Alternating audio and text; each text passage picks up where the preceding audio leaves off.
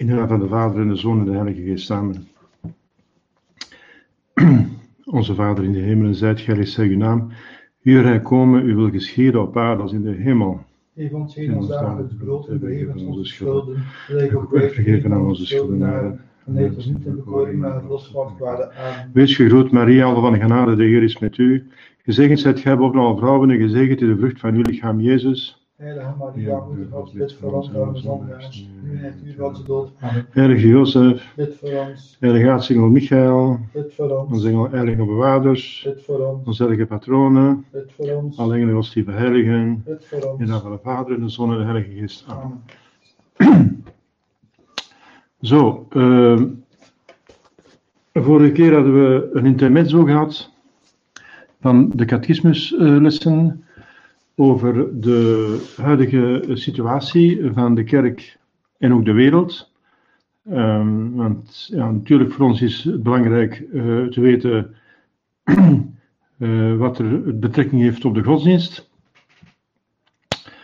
En de wereld heeft betrekking op de godsdienst, want de wereld is een soort vijand van de godsdienst. De wereld is tweelerlei. Als schepping van God is het prachtig, is het mooi, is het eh, perfect. God zag dat, dat het goed was toen hij de wereld geschapen had. Maar de wereld als zijnde de structuur van mensen die de zonde organiseren, is het onze vijand. En die structuur is nu heel machtig door de techniek die ze uitoefenen. De bijzondere ontwikkeling van de techniek wereldwijd. Ja, eh, nu, eh, ik wil nog eventjes dus die eh, conferentie eh, afronden, want die heeft lang geduurd vorige keer. Het was een paar uur. Wel, ik wil ze afronden door eh, te, over de praktische kant te spreken. Wat moeten we nu doen? nu dat we dat allemaal weten, min of, eh, allemaal weten, min of meer. Wel, wat moeten we doen? Wel, we moeten doen wat God ons voorstelt om te doen. Het eerste wat God voorgesteld heeft om te doen, of gevraagd heeft om te doen, eh, dat is toen hij de duivel toestemming heeft gegeven om de kerk veel sterker aan te vallen dan voordien. Dat is 1884. Daar heb ik al verschillende keren over gesproken, maar het is nu het moment om daar eens een keer eventjes op terug te komen. Dus als God een kwaad toelaat, dan wil hij dat kwaad niet, maar dan heeft hij op het oog een groter goed. En dat groter goed eh, dat hij op het oog heeft, dat organiseert hij. En hij heeft het georganiseerd omdat hij goed is, delegeert hij liefst. En hij heeft dat gedelegeerd deze maal aan Maria. En ehm, dus dat zijn al die verschijningen van onze lieve vrouw, die door de kerk erkend zijn, want de duivel wil zich daar ook weer tussen mengen en valse verschijningen veroorzaken. Dus alle verschijningen van Maria door de kerk zijn goedgekeurd, ehm, omdat de kerk onderscheiden heeft dat ze authentiek zijn. En eh, ja, dan komen we te weten, wat is, wat is de oplossing voor de crisis? Wat moeten we doen in zo'n geval? Dat we zo sterk worden aangevallen en als onze, onze klerus wordt aangevallen. In 1884 werd, eh, zag Leo XIII in een visioen dat de, de duivel veel macht gekregen had, vooral over de klerus. Hm? En dat zien we dus ook, dat de kerk eh, in een crisis bevindt die met de klerus begonnen is. Het is vooral door de corruptie van de bisschoppen en de paus en de pausen, of, of één paus, want daarna waren het geen pausen meer, maar antipausen. Er zijn drie eh, pogingen geweest om vrijmetselaars eh paus te maken. Dat was, de eerste poging was in de, in het einde van de 19e eeuw. Eh, dat was dus met Pius IX, die een grote liberaal was. Sommige geschiedschrijvers zeggen het was een vrijmetselaar. Uiteindelijk, wat hij ook was, vrijmetselaar, hij was in ieder geval liberaal. Sommigen zeggen hij was niet vrijmetselaar, maar in ieder geval hij was liberaal. Dat is ook verkeerd. Hij heeft zich bekeerd. Als paus zijnde heeft hij zich 180 graden bekeerd en is een, heilige paus geworden die de bepalingen heeft aangevallen. Natuurlijk, want voor de paus wordt elke dag gebeden door alle priesters. Eh, moesten alle priesters geldig gewijd zijn vandaag, dan zouden er 450.000 priesters zijn, bijna een half miljoen. Wel, in de 19e eeuw waren er ook, ik weet niet hoeveel, duizenden priesters en die, die bidden elke dag een brevier en die eh, offeren een mis op. En in brevier in de mis wordt er eh, verplicht voor de paus gebeden. dus die paus die krijgt een genade, een buitengewone genade, want in iedere missie wordt opgedragen, wordt er voor de paus gebeden. Hm? Dus wij bidden pro ecclesia, dat is in het gebed te igitur, eh, in het begin van de kanon. We bidden pro ecclesia, opdat ze één zou zijn en heilig en dat ze zou eh, goed, eh, dus zou, pros, zou zich ontplooien. En dan una con papa nostro, dus we bidden ook voor de paus. Hè? Waar, waar, waarmee we in eenheid zijn, dat enzovoort, dat hij goed zou kunnen functioneren, heilige paus, die goed, want als de paus goed functioneert, dat is een gewelddaad voor de kerk. Hè? Je ziet het verschil tussen een, uh, een, een, een Borgia-paus, die verschillende vrouwen had, en een heilige Pius X. Dus een, een groot verschil voor de kerk. en daar bidden we dus voor. En die paus heeft zich dus bekeerd.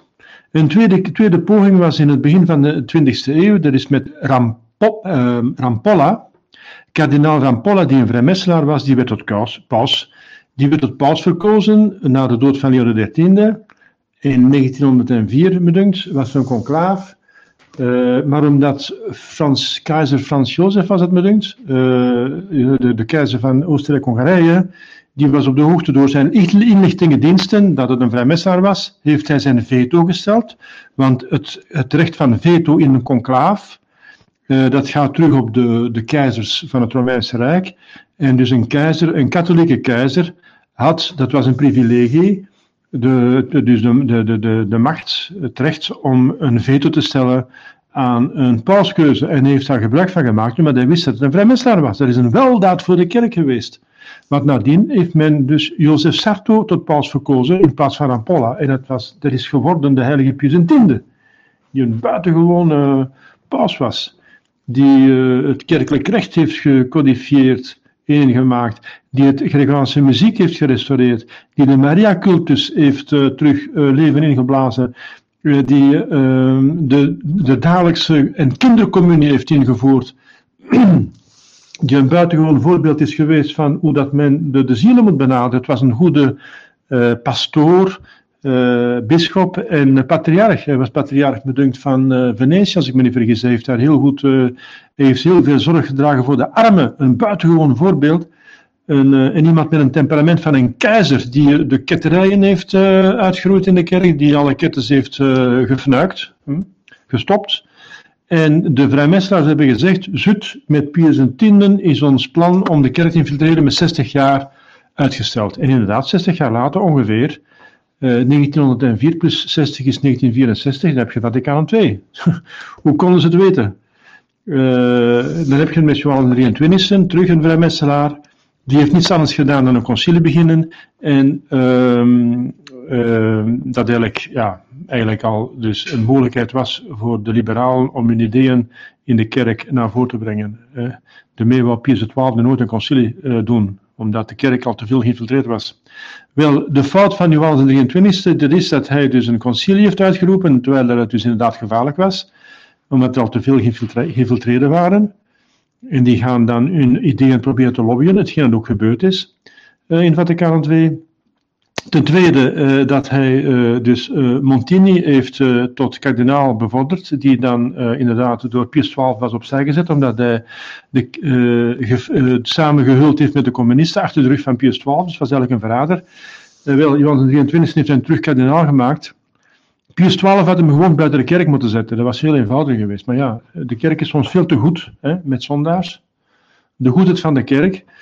Uh, ja, die, die kan soms, dat is goed natuurlijk van goed te zijn, maar soms uh, is het gevaarlijk van uh, niet radicaal genoeg te zijn met kwaad, hè, zoals keizer Karel. Keizer Karel is veel te goed geweest met de protestanten.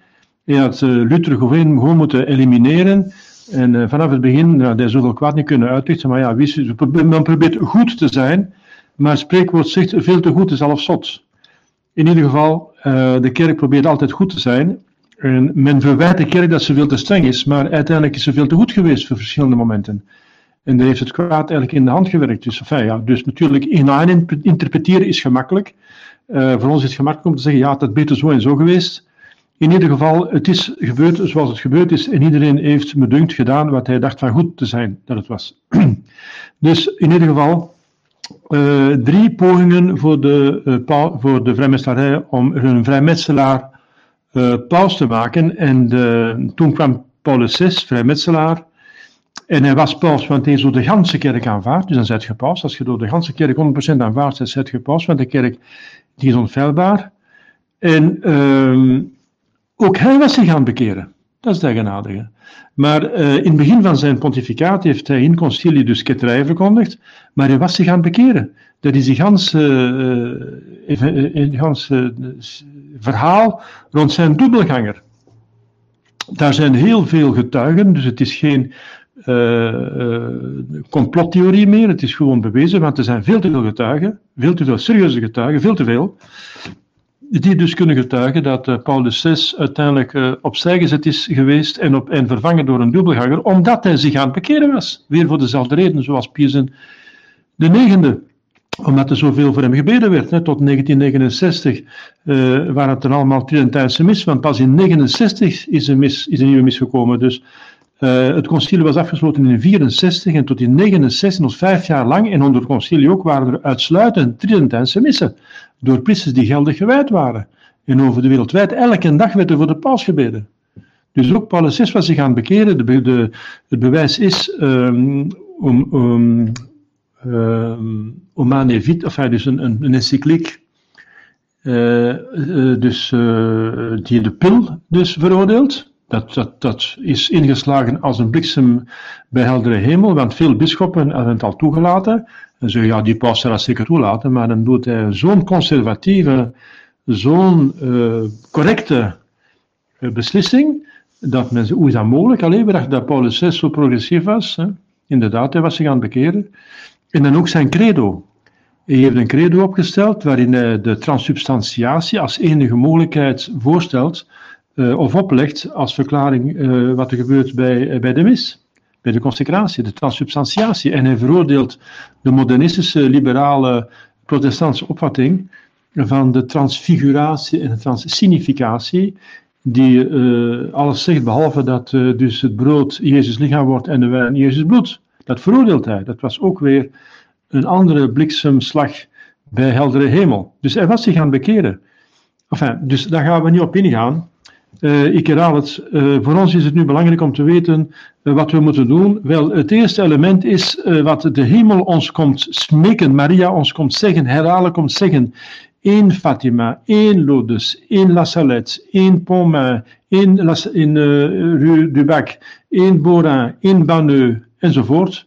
Dat ze telkens ons zeggen, gebed en boete, gebed en boete. En daar zult je alles mee verkrijgen. Het gebed zij maken het niet moeilijk, hè? Het roze, het kan iedereen bidden. Een kind kan het bidden. Dus zij geeft ons een heel gemakkelijk gebed dat buitengewoon efficiënt is. Zij geeft ons de wonderdadige medaille. Een heel eenvoudig middel dat buitengewoon efficiënt is. Ik heb wonderdadige medailles uh, laten leggen uh, in moskeeën in Antwerpen. En wel, uh, binnen de kortste keren werd er besloten door de schepen van cultuur en van godsdienst in Antwerpen dat dus uh, driekwart van de moskees moesten sluiten. Om, en, en, en de reden was dan voor hun dan dat het dus niet controleerbaar was. Waren te kleine moskees, niet controleerbaar voor het terrorisme en zo, het fanatisme. En dat alleen grote moskees moesten bestaan, maar er is nergens in Europa besloten geweest dat driekwart van de moskees moesten sluiten. Er zijn op plaatsen waar moskees gebouwd uh, worden, hebben we dus op vier hoeken van, de, van het domein uh, onderdadige medailles gelegd en de, de, bouw is niet doorgegaan. Ik heb onderdadige medailles gelegd in, het, in het gemeentehuis van Antwerpen. Ehm, bij de verkiezingen. wel, het is de eerste keer sinds de Wereldoorlog, en dat, is, dat is meer dan 70 jaar, nee, nee, meer, ja, 70 jaar meer, dat er geen socialist tot burgemeester werd verkozen. De eerste keer. Dus, dus is er allemaal toeval. Hetzelfde in Kievrij. In Kievrij waren er allemaal. Ik was om, almoezenier van, in, van de zusters in Kievrij. Ik heb daar al een donderdag reis gelegd. In, uh, ook in de. In de. Hoe heet het daar? Uh, het, het, het, um, het, stadhuis, hè, het gemeentehuis. En um, de eerste keer in ik weet niet hoeveel jaren werd er ook weer geen socialist verkozen. Onze lieve vrouw schijnt inderdaad het socialisme niet in het hart te dragen. Dus onze lieve vrouw heeft blijkbaar een hekel aan het socialisme. Dat een zeer uh, perverse vorm is van het communisme uiteindelijk. En, um, communisme is veroordeeld door de kerk als intrinsiek pervers. Uh, ik heb dan woonde daar in gelegen in de, in de gebouwen van uh, de Europese Unie. Alle gebouwen van de Europese Unie. En toevallig is het rond die tijd dat dan die anti-Europese bewegingen dan begonnen op te komen plots, dat is allemaal toevallig. Ik was in Londen, ik heb aan de mensen gevraagd van daar medailles te leggen in Londen in al de, de overheidsgebouwen. en dat was toen juist voor die POL, P-O-L-L, dat wil zeggen de, de volksraadpleging, over de brexit. En Europa is vrijmetselaar, zoals u weet. Uh, degenen die voor Europa zijn, zijn de Schotten en de Londenaars. Wel, wat is er gebeurd? We hebben die medailles gelegd, of zij hebben die medailles gelegd. En wat is er gebeurd? De dag van de, het referendum was een geweldige storm en onweer in Londen. Dus de meeste Londenaars zijn niet kunnen gaan stemmen. En omdat de Londenaars tegen waren, zijn er dus minder tegenstemmen geweest. En is er met een kleine meerderheid besloten geweest om van Europa weg te gaan. Dat is ook weer toeval. Hè? Uh, kan zo verder gaan. Uh, ik kan alleen maar zeggen dat onze lieve vrouw, hè, het komt niet van mij natuurlijk, en trouwens, ik heb ook die dingen niet gedaan. Uh, er hebben andere mensen dus medailles gelegd en zo. Ik heb dat niet alleen gedaan. Ah ja, ik heb nog medailles gaan leggen in alle gemeentehuizen van België en Vlaanderen en Wallonië in de tijd. Van gemeentes meer dan 20.000 inwoners. En na de verkiezingen de, zijn de socialisten in Wallonië met meer dan 10% gezakt, paf, naar beneden gezakt. En in Vlaanderen kwam plots de nationale partij naar boven. De minst slechte partij eigenlijk kwam naar boven. Ook weer toevallig. Dus het is te veel. Sint Thomas zegt als het te veel toeval is, dan is het geen toeval meer. Uh, dus om u maar te zeggen, dus, uh, dat de, onze lieve vrouw met, met eenvoudige middelen heel veel wil doen. Dus als een duivel zo veel macht krijgt, dan krijgt onze lieve vrouw nog meer macht. Want uh, dat is het juist, maar we moeten daar gebruik van maken, beste vrienden. Maak daar gebruik van. Bittertoosnoetje, gebruikte honderddadige medaille. De schepelier van de Berg Karmel, deze onze lieve vrouw heeft dat ook aangeraden. Wel, schepelier van de Berg Karmel, dat geeft u twee dingen. Dat treedt u van de, van, van de hel. De eerste belofte is dat je niet in de hel zult vallen. Onder die voorwaarden eh, natuurlijk, eh, die moet, moet voldoen, die niet zo, niet zo moeilijk zijn. Je moet de schepelier dag en nacht dragen. En je moet een, in, een inspanning doen om kuis te zijn. Hetgeen dat je sowieso moet doen. Moet sowieso, pardon, moet sowieso kuis zijn. Wel, eh, dan, uh, dan, gaat je dus, ons, dan gaat onze lieve vrouw ervoor zorgen dat je niet in de hel valt. En er zijn uh, voorbeelden in de ganse geschiedenis van de kerk, dat, dat inderdaad ons leven, dat een buitengewone gebeurtenis hebben, hebben plaatsgevonden bij mensen die de, de schepelier droegen, dat ze niet stierven voordat ze konden bichten enzovoort. Uh, als men dan bovendien nog elke dag het hoedje weet, dan komt er een tweede belofte naar voren, die ze aan een paus heeft gedaan, onze lieve vrouw, nadien, een paar jaar nadien, dat ze die belofte had gedaan, die eerste belofte aan Simon Stok, de overste van uh, de Karmel, dat iedereen die dan bovendien nog het Oosnoetje debet elke dag, uh, de eerste zaterdag na zijn dood uit het vagevuur zou gered worden. Dus die schapelier die geeft de hemel, want die verhindert de hel en het vagevuur. Gewoon een schapelier dragen en een roosnoetje bidden en je gaat naar de hemel. Beste vrienden, dat is toch niet moeilijk? Dat is toch eenvoudig?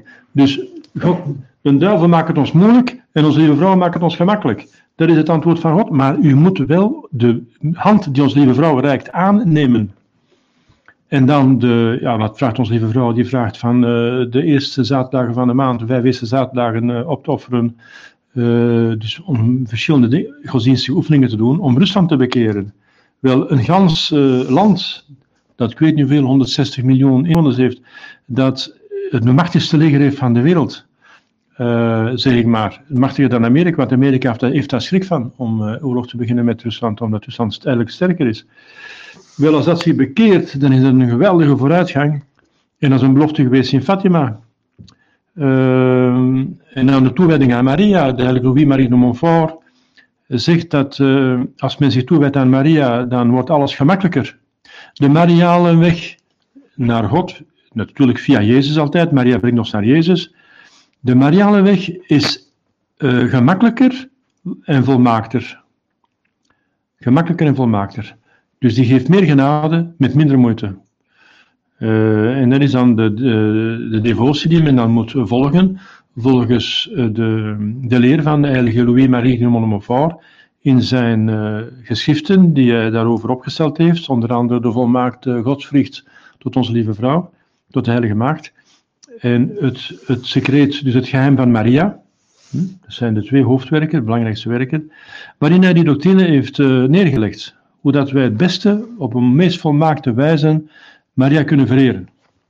Want hoe dichter men met Maria is, hoe veiliger men is. Want als men bij Maria is, eh, als je dan naar kijkt in het, dus in het licht van de belofte die gedaan geweest in Genesis, in het begin van de mensheid, dat Jezus zegt, ik zal vijandschap zullen tussen u, de slang, de duivel en de vrouw, hè, dat is Maria, tussen uw nakomelingschap en haar nakomelingschap, en zij zullen de kop verpletteren. De nakomelingschap van Maria, dat is juist de vrienden, de gelovigen die zich aan Maria hechten. Hoe meer dat je aan Maria gehecht bent, hoe meer dat je haar invloed ondergaat. Dus haar overwinningsgenade. Ze heeft een overwinningsgenade gekregen om de kop te verpletten van de slang. Dus als wij de kop willen verpletten van de slang, moeten we zo dicht mogelijk bij Maria gaan. En zo behagen we nog meer aan Jezus, want in Maria is Jezus. Maria is de dichtste en de volmaaktste weg naar Jezus. Alles komt door Jezus natuurlijk. Maria op zichzelf kan niks. Ze is ook maar een schepsel, maar zij is een buitengewoon middel om Jezus zo volmaakt mogelijk te vereren. Wel, dat kunnen we doen. Dat is de oplossing die gegeven is geweest uh, voor de eerste uh, begin van het probleem, dat al begonnen is in de 19e eeuw, namelijk dat de duivel meer macht kreeg. En een duivel had uh, dus het kerk zo niet kunnen over, kapot maken voor 99,99% bij Vaticaan II.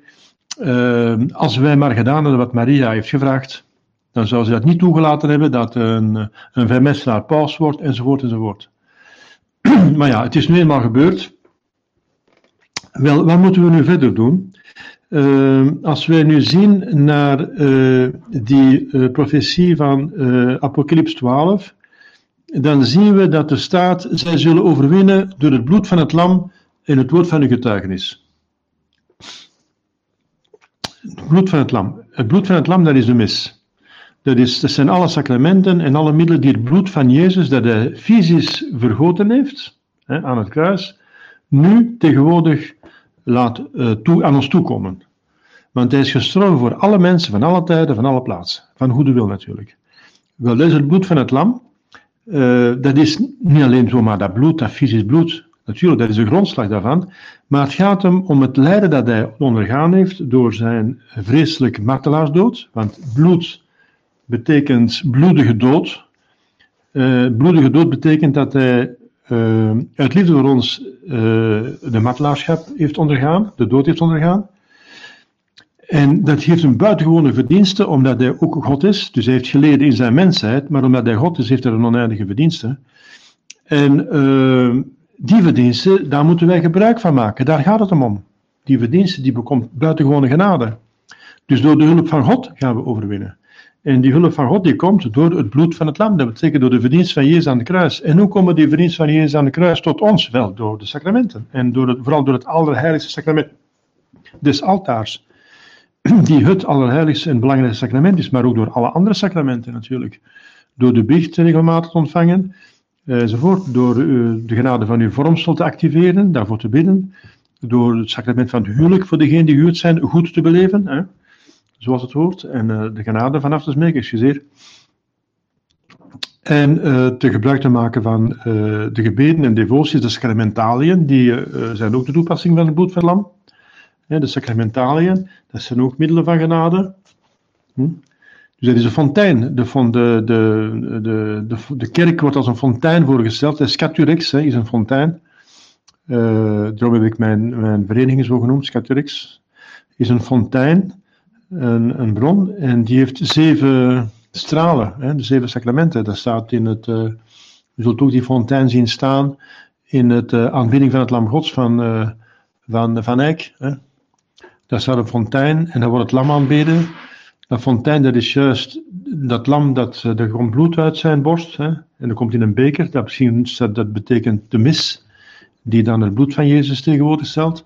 En dan rond is een fontein, dat zijn de, zeven, dat zijn de sacramenten, de sacramentaliën. Dus dat is allemaal uh, het bloed van het lam. Het bloed van het lam, dus wij moeten ons concentreren op de sacramenten. Maar daarvoor moeten de sacramenten geldig zijn. Ze moeten ten eerste geldig zijn, en dan moet men nagaan tegenwoordig. Uh, dus dat is ik eerst toe. Als iemand zich bekeert, is uw doopsel wel geldig. Hè? Uh, is uw vormsel wel geldig geweest? Want het modernisme heeft ervoor gezorgd ook dat uh, die sacramenten ongeldig worden.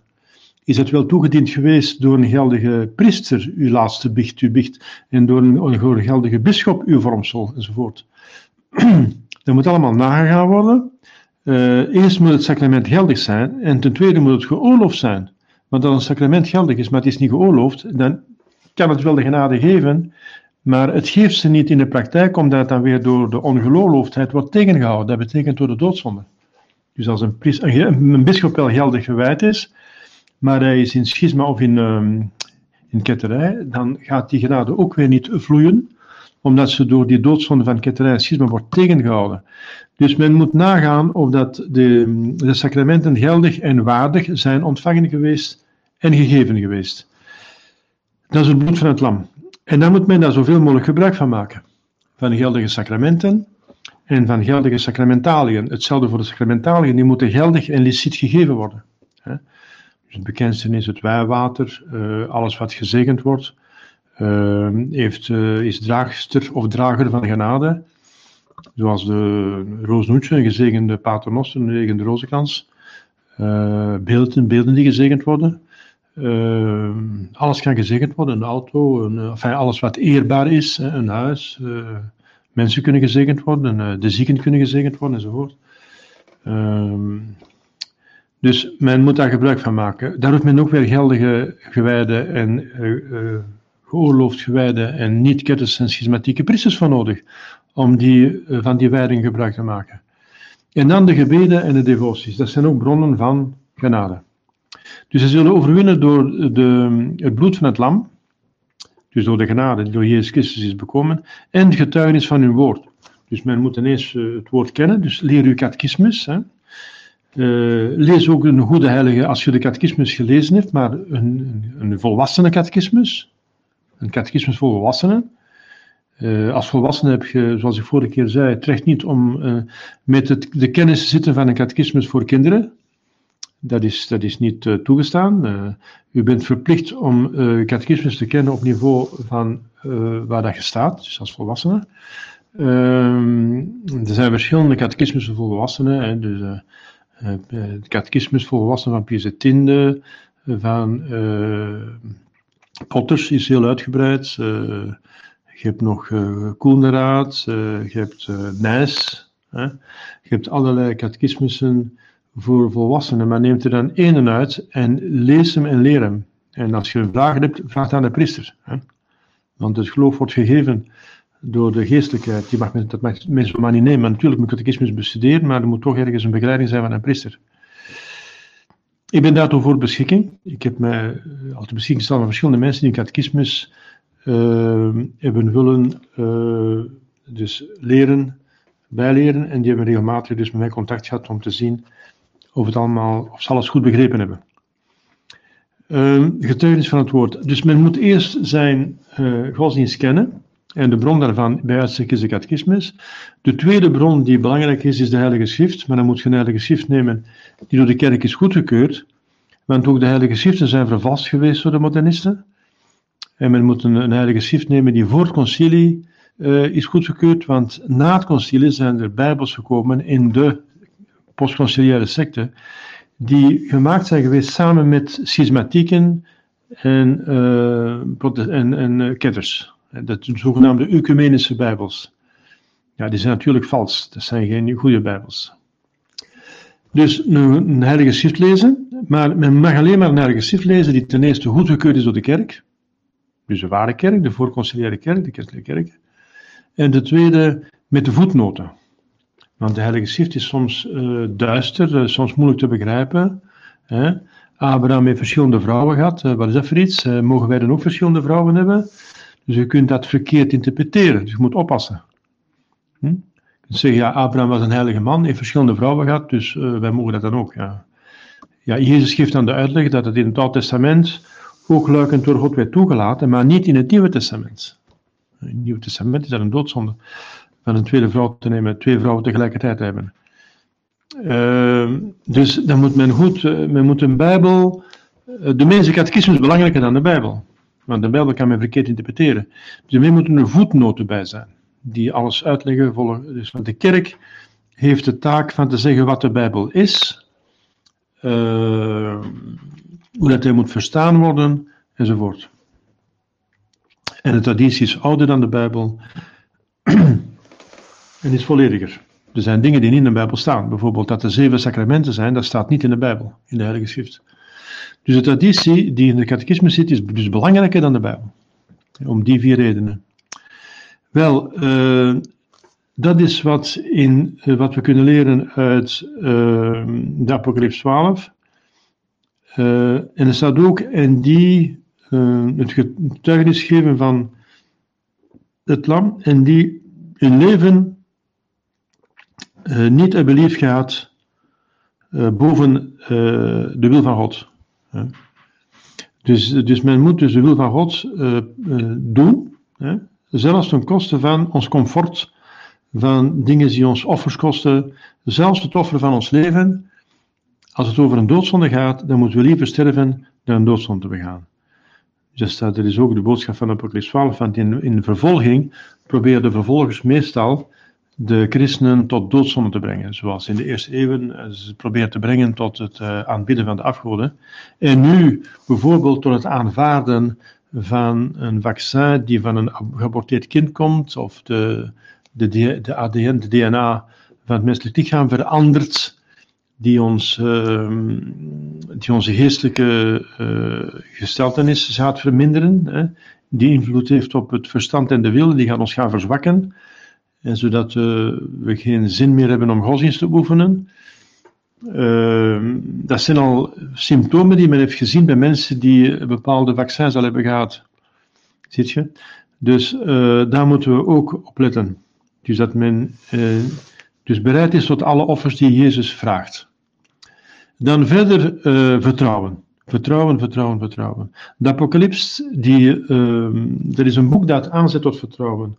Want ondanks al die grote, die enorme rampen die de apocalyps geeft, die apocalyptische tijden, die grote catastrofen die zouden voorvallen en alles, uh, is er toch altijd een, een positieve ondertoon, namelijk we zullen de genade hebben om het vol te houden, maar we moeten daarvoor bidden, we moeten doen wat we kunnen en dan krijgen we wat we nodig hebben.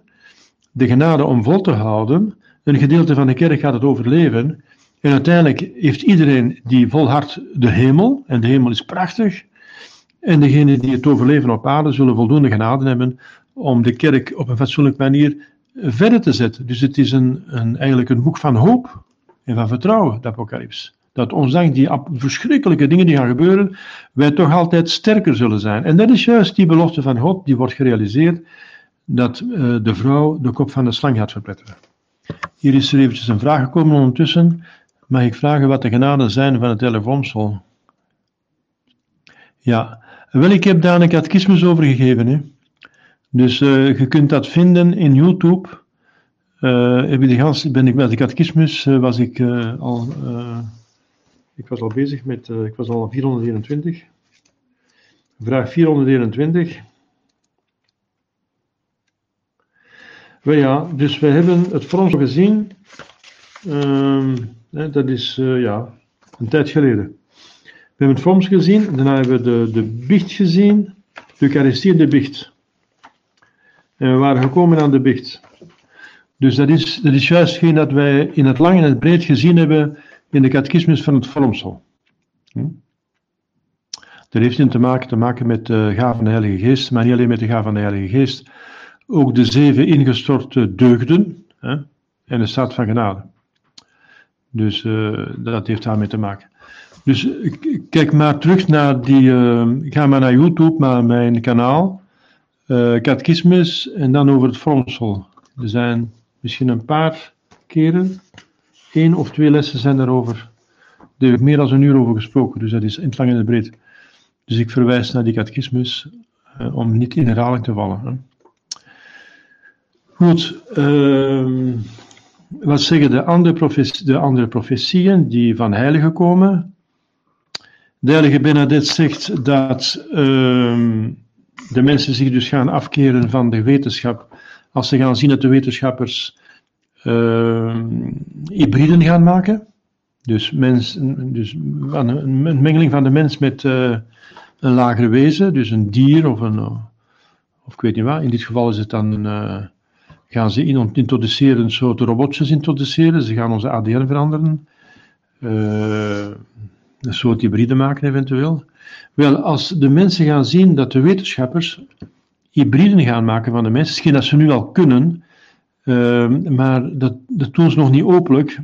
Ehm, de sterkste vorm van hybride is het menselijk DNA veranderen en daar een DNA van een dier in te brengen. Hm? Dat kunnen ze al. Dat kunnen ze al jaren, maar dat is onder vier uh, muren, onder gesloten deuren gebeurt dat. En die wezens die daarvan voortkomen, die worden, die worden gedood. Excuseer. Die worden gedood, uh, want dat is door de wet nog niet toegelaten. Dus experimenten bestaan. Ze zijn in staat om die hybriden te maken nu al. Dat kon Bernadette niet weten, dus dat is, in zoverre is het al uh, dus uit te komen dat ze daartoe in staat zijn. Maar het is nog niet, uh, het wordt nog niet officieel en publiekelijk uh, geproduceerd, die wezens, omdat er geen enkele wet dat voorlopig toestaat. Hm? Maar in ieder geval, met de vaccin proberen ze nu ook een soort hybride van de mensen maken, namelijk het DNA te veranderen.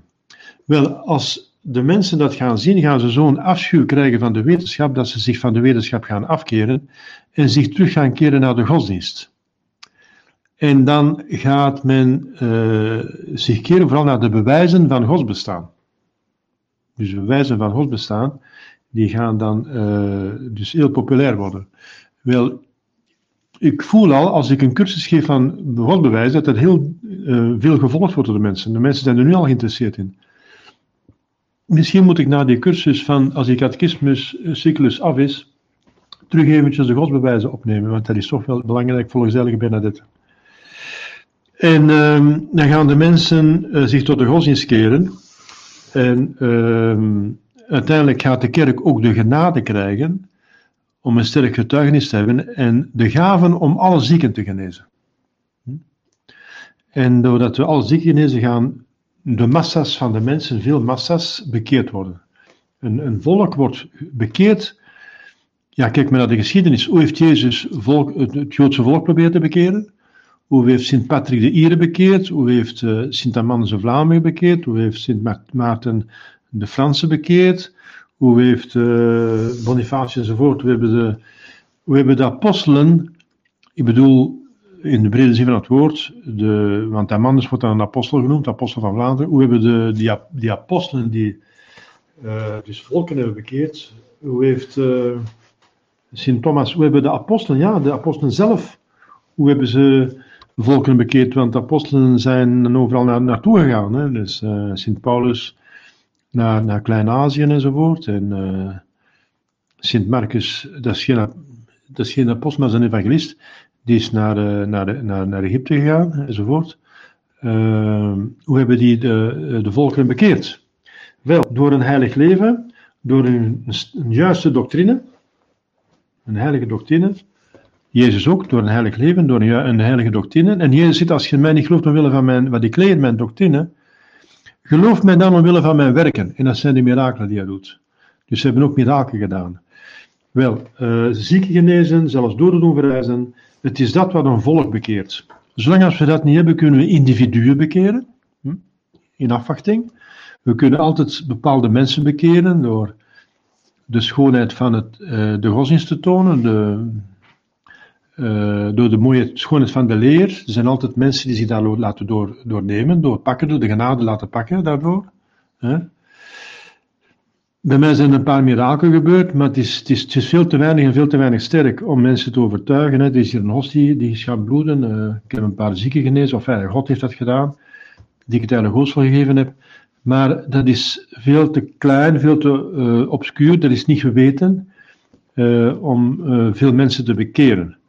Dus wij kunnen wel individuen bekeren, maar dat gaat vooral door het voorbeeld te geven van een goed leven. Hè en dan een, sterke doctrine te geven en te antwoorden op al hun vragen enzovoort. En dan te bidden voor hen dat ze genade hebben. Dus de, de, het gebed gepaardgaande met een juiste getuigenis en kennis van het geloof, dat kan nog individuen bekeren. Maar de grote massa, die zullen we niet kunnen bekeren. Dat, is, dat is een illusie. Die zit te ver in de, in de diepte van het kwaad om ze er zomaar met een bepaalde theorie, een predikatie eruit te halen. Dus die hebben schokkende dingen nodig, zoals de apostelen gedaan hebben van de volkeren eh, namelijk uh, zieken genezen, alle zieken genezen. Jezus heeft het ook gedaan. Jezus heeft de mensen bekeerd door alle zieken te genezen en alle duivels uit te drijven. Wel, dat gaat komen, zegt heilige Bernadette.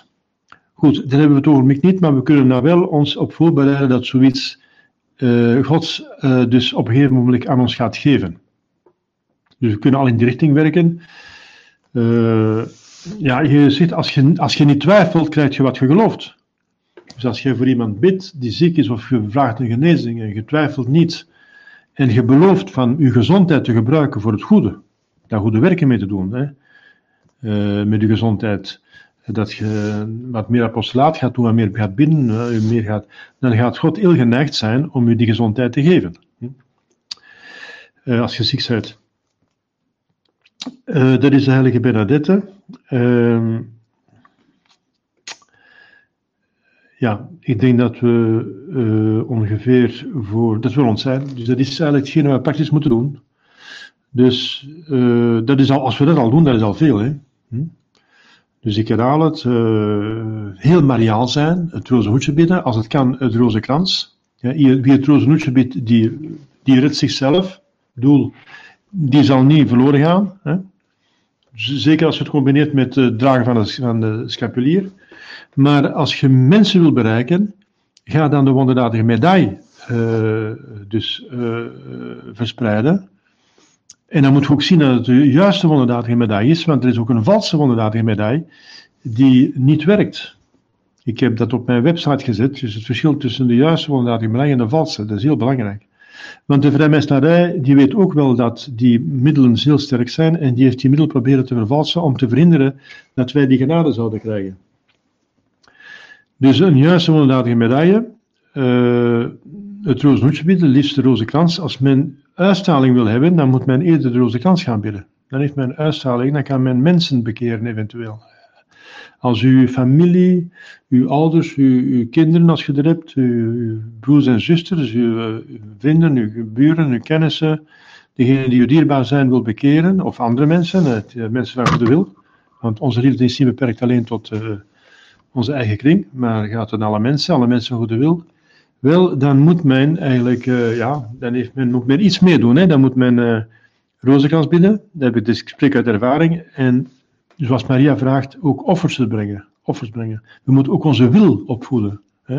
Ons verstand door het lezen van de catechismus en zo. Uh, en door Mariaal devoties. Maar dus de wil door devoties en door offers te brengen.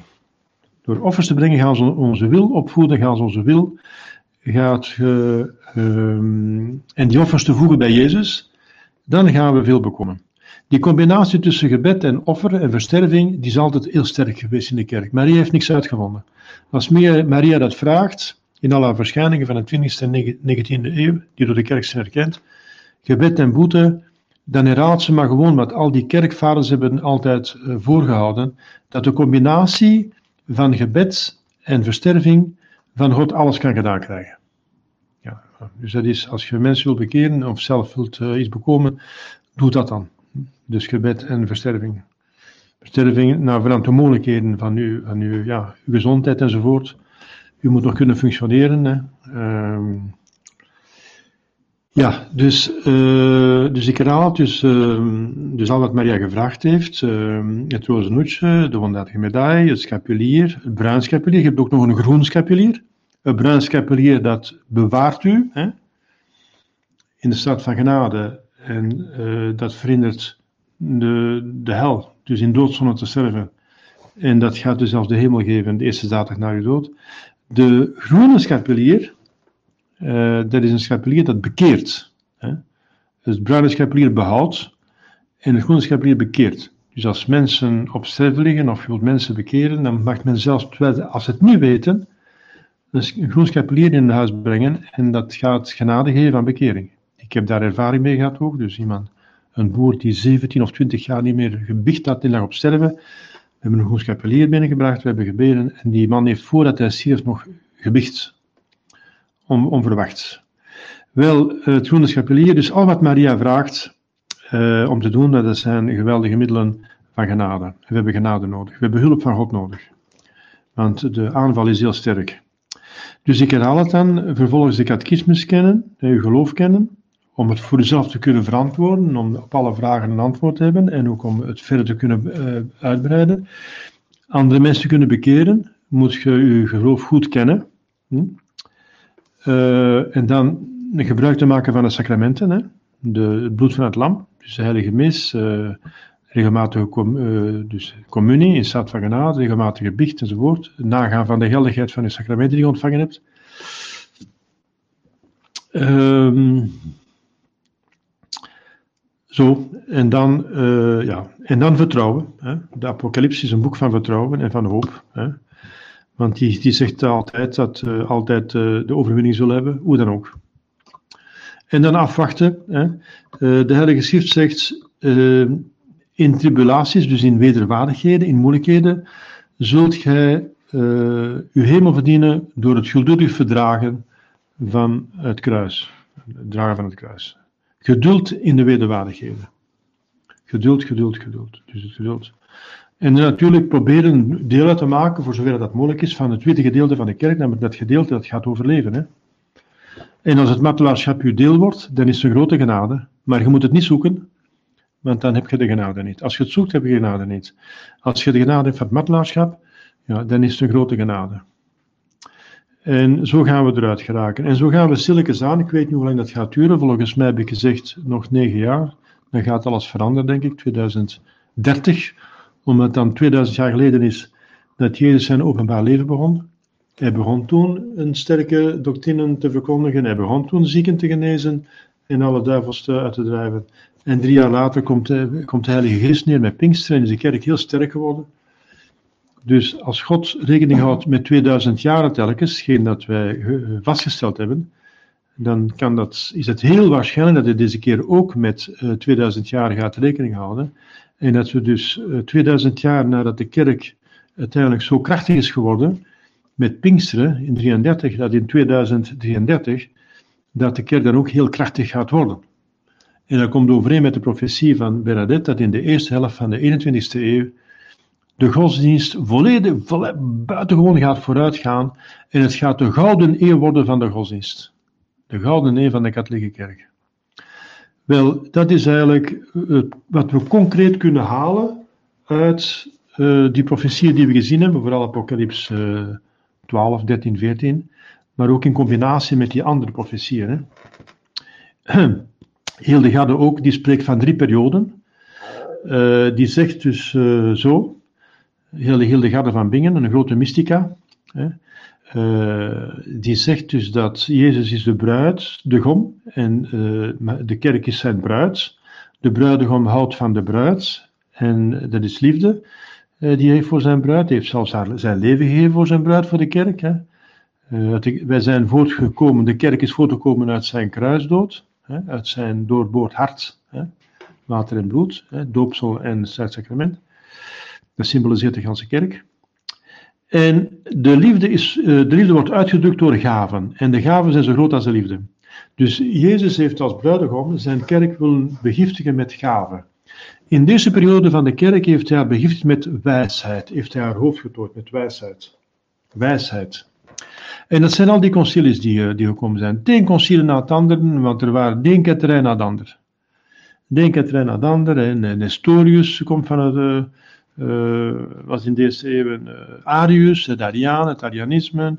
Je hebt het Pelagianisme, je hebt uh, ik weet niet hoeveel ketterijen, de een na de ander. En telkens is daar een concilie, een paus en een concilie, die haar fijn zegt hoe de waarheid is. Telkens de waarheid in zeer ingewikkelde kwesties, namelijk over de natuur van Jezus, of de twee naturen van Jezus, de persoon van Jezus, die een goddelijke persoon is. Heeft u nu één wil of heeft u nu twee willen? Hè? Heeft twee willen, want hij heeft twee naturen. Hij heeft een goddelijke wil en een menselijke wil, maar die lopen parallel. Dus moreel zijn ze één wil, maar fysisch zijn ze twee verschillende willen. Het wordt allemaal haarfijn door de concilies telkens bestadig. Dus telkens komen er ketterijen die proberen de waarheid onderuit te halen in ingewikkelde kwesties. Bijvoorbeeld is Maria moeder van, van Jezus, van God. Hè?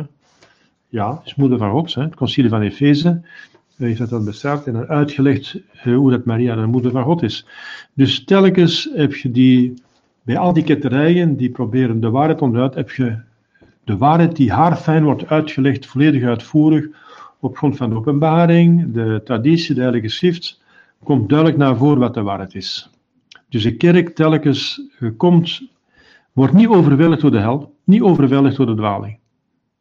En dan in de tweede periode, zegt Hildegard, gaat Jezus zijn eh, bruid, de kerk, tooien met schoonheid. Eerst de wijsheid, dan de schoonheid. De schoonheid. Een vrouw is graag schoon en een schone vrouw, dat is een, eh, ja, dat is altijd aangenaam. Hè? En dus uh, de, Jezus maakt de schoonheid. Maar natuurlijk is hier in ieder geval een geestelijke schoonheid. Dat zijn al die ordes die opkomen. Buitengewoon veel ordes die opkomen in de middeleeuwen. Hè? Je hebt uh, de Benedictijnen, je hebt de Augustijnen, je hebt de Bernard, de Bernardus van Clairvaux, je hebt uh, de heilige Bruno, die begint de Kartuizers. het houdt niet op, de ene orde na de andere, mannelijke orde, vrouwelijke orde. En die brengen het katholiek geestelijk leven tot ongekende hoogten. Hè? De gelofte van kuisheid, van armoede, van gehoorzaamheid, dus die brengt uh, de heiligheid tot eigenlijk boven de menselijke natuur. Hè? Zet maar eens, uh, gelijk in een karmel, twintig vrouwen bij elkaar. Sluit die op, twintig vrouwen bij elkaar, en die mogen geen ruzie maken. Hm? Het mag geen jaloezie zijn. Dus er zit twintig vrouwen bij elkaar, en die sluit die op voor gans hun leven. En die, die maatschappij die verloopt goed, dat is een mirakel. Een vrouw is gemaakt voor één man, maar die is niet gemaakt om met vrouwen samen te leven. Maar dan krijg je altijd spanningen. Je ziet dat als je vrouwen op burelen, die, die, die hebben moeilijkheden om samen te werken. Een vrouw is gemaakt voor een man. Eén man en een gezin, en niet voor met vrouwen. Wel, je zet die vrouwen tezamen. Uh, meer dan, dus in de Karmel is dat 20 vrouwen ongeveer, het ideaal.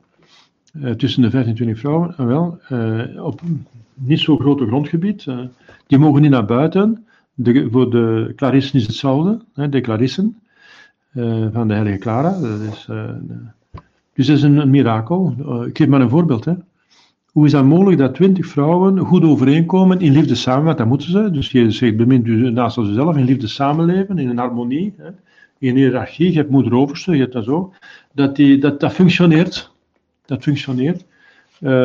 dat is boven de menselijke natuur. En dat komt omdat ze gedragen worden door de genade. Hè. Ze bidden heel de dag, ze hebben de, elke dag een mis, ze hebben een communie, ze kunnen biechten als ze willen, ze hebben rozenhoedjes, ze hebben geestelijke oefeningen, ze moeten ook zwijgen, niet te veel kans om uh, te veel uh, te praten, want van veel praten komen ook veel zonden. Ze moeten deugdzaam werk verrichten, uh, ze moeten geestelijke lezing doen. ze zitten met hun gedachten voortdurend met Jezus en met God. Dus ze hebben geen tijd om menselijke spanningen te veroorzaken, terwijl die er toch zijn hoor, die komen vanzelf.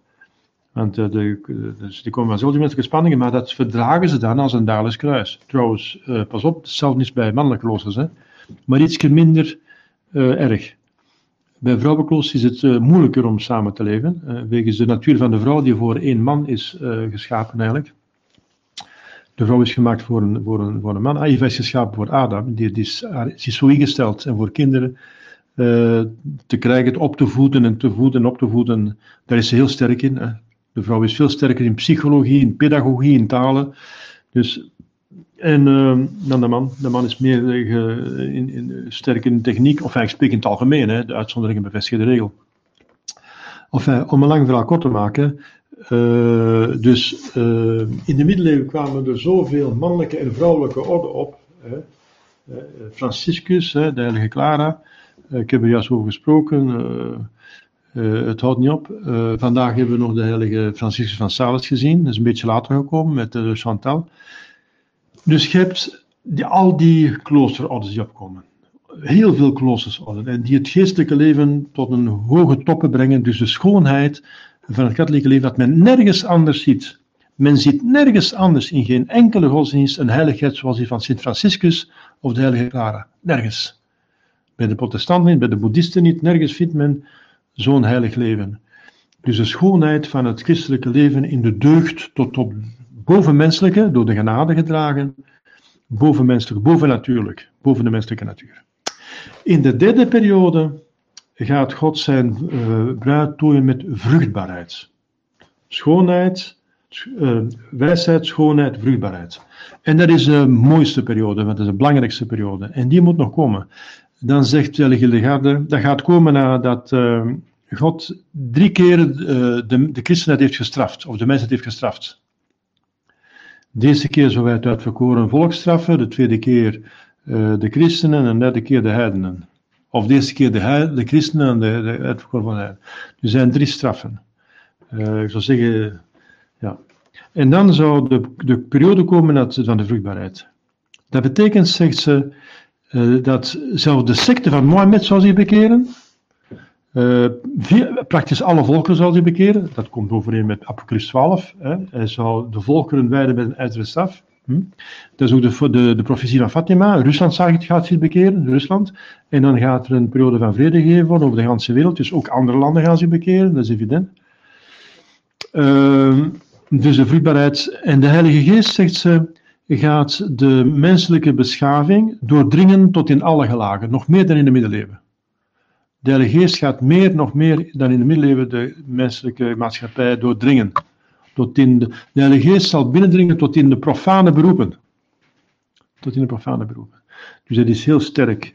Uh, en, ja, en dat weten wij, want uh, de heilige Bartholomeus Holzhausers, die zegt hetzelfde, dat men eerst de christenheid heeft gehad, dat is Jezus die wordt aanvaard door de meeste volkeren, hè? De, christen, de, de, de middeleeuwen, de christenheid. Dan heeft men tijden van de, van de geloofsafval, het verval dat men nu meemaakt, we zitten op het dieptepunt. Daarna komt terug een rijk van Jezus, maar door Maria, expliciet door Maria.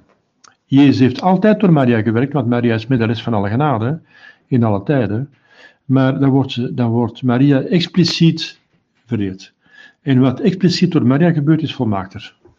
Dus die, eh, die christenheid die gaat komen nu, waar we voor staan, hè, die voorspeld is door Fatima, door de heilige Bernadette, door Hildegarde van Bingen, door zalige Bartholomeus Holzhauser, uh, die gaat, uh, daar gaat, die gaat mooier zijn, groter. En Hildegarde van Bingen zegt, ja, dat zal de mooiste periode zijn, want de mooiste, allee, het, het, het, het beste het meest grootste dat een vrouw kan voorbrengen is niet alleen haar wijsheid en haar schoon, maar al kinderen. Hè, dat ze kinderen geeft. Dat is natuurlijk uh, enorm voor een vrouw. Dat is, uh, dat is de glorie van een vrouw. Dat is uh, dat ze mensen heeft voortgebracht hè, met haar man. Hè. en dat ze die ook goed kan opvoeden en daar hele mensen maakt die goed functioneren in de maatschappij en die naar de hemel gaan. Dat is de glorie van een vrouw. De glorie van Maria is de moeder te zijn van Jezus, van God. Dat is haar glorie. Hè. En wel, zo is dat voor moeder zo. Uh, vrouw. Tuurlijk, een, een vrouw die geen moeder is, die kan op een andere manier doen. Bijvoorbeeld de zusters zijn dan geen fysische moeder, maar die worden dan geestelijke moeder. Bijvoorbeeld die geven dan les. Die gaan proberen de, de, de kinderen op te voeden. Die worden dan een soort uh, geestelijke moeders van de kinderen. Die zijn toch met de mensen bezig. Op die manier. Wel, de schoonste periode van de kerk, die gaat nog komen. Maar die komt na drie straffen. Uh, Dr. Hertzka heeft geprobeerd die Latijnse geschriften van de illegale van Bingen te vertalen en te begrijpen.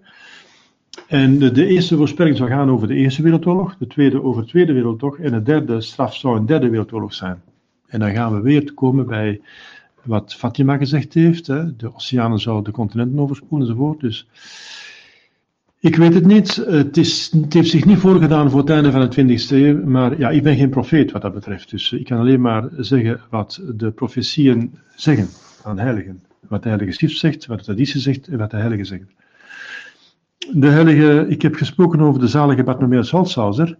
Die heeft een commentaar gegeven van Apocalyps. De eerste hoofdstukken van Apocalyps gaat over de zeven kerken. De zeven kerken van Azië, die, die gesticht zijn geweest door uh, Sint uh, Paulus. En Jezus heeft voor ieder van die stichtingen, van die parochies of die diocesen, eh, die kerken noemt ze dat, noemt hij dat een boodschap. wat ze goed doen en wat ze slecht doen. Wat ze goed doen om, het te blijven doen en wat ze slecht doen om het te verbeteren. Wel, Heilige Bartholomeus Zotzauer zegt dus inderdaad dat dat boodschappen zijn voor die kerken, maar dat tegelijkertijd ook drie periode, uh, zeven, zeven periodes zijn van de kerk. Dus die zeven kerken uh, zijn wel bestaande in die tijd van uh, Johannes. Hè? En die hebben ook die brieven gekregen van Johannes. Maar het gaat ook over zeven perioden van de kerk. Er zijn zeven periodes. We zouden nu zijn in het einde van de vijfde periode. En dat is de periode van geloofsafval. Die begonnen is, dus middeleeuwen was een periode van, van het rijk van Jezus, dat op aanvaard werd, de christenheid. Daarna kreeg je dus de geloofsafval. Hè. Het humanisme dat zich meer bezighield met cultuur dan met de godsdienst. Hè. De paus en de bisschop hielden zich meer bezig met renaissance dan met de godsdienst. Daarna kreeg je het protestantisme, die van die verwaarlozing profiteerde, om de mensen die hun godsdienst niet goed meer kenden. Want de bisschop en de paus waren niet genoeg met volk meer bezig. Wel, dan heeft Luther ervan geprofiteerd om de mensen tot ketterij te brengen. En daarna hebben ze de kerk verworpen. Luther heeft de kerk verworpen. Uh, daarna uh, komt het deïsme van de Franse Revolutie en de filosofen van de 17e, 18e eeuw. Uh, dan hebben ze Jezus Christus laten vallen. Er is nog ergens een God. Hè? Een, een architect, een grote architect die alles gemaakt heeft, maar die ons voor de rest laat doen. nadien krijg je zelfs het atheïsme. Het communisme, socialisme, het atheïsme. Dus dan, wordt God ook geëlimineerd, bij wijze van spreken, uit de harten van de mensen. En daarna wordt het nog erger, dan gaat ook de, de dingen die tegen natuur zijn worden gepromoot. Daar zitten we nu volop in. Al wat tegen natuurlijk is. De, de tegennatuurlijke zonden worden als normaal beschouwd. Dus telkens een, een aanval van de duivel die telkens verder, verder, verder gaat. Uh, en we zitten nu ongeveer in een dieptepunt. Uh, het, het, gaat, uh, we, kunnen vragen waar gaat het eindigen, maar veel verder kan het niet, of veel dieper kan het al niet.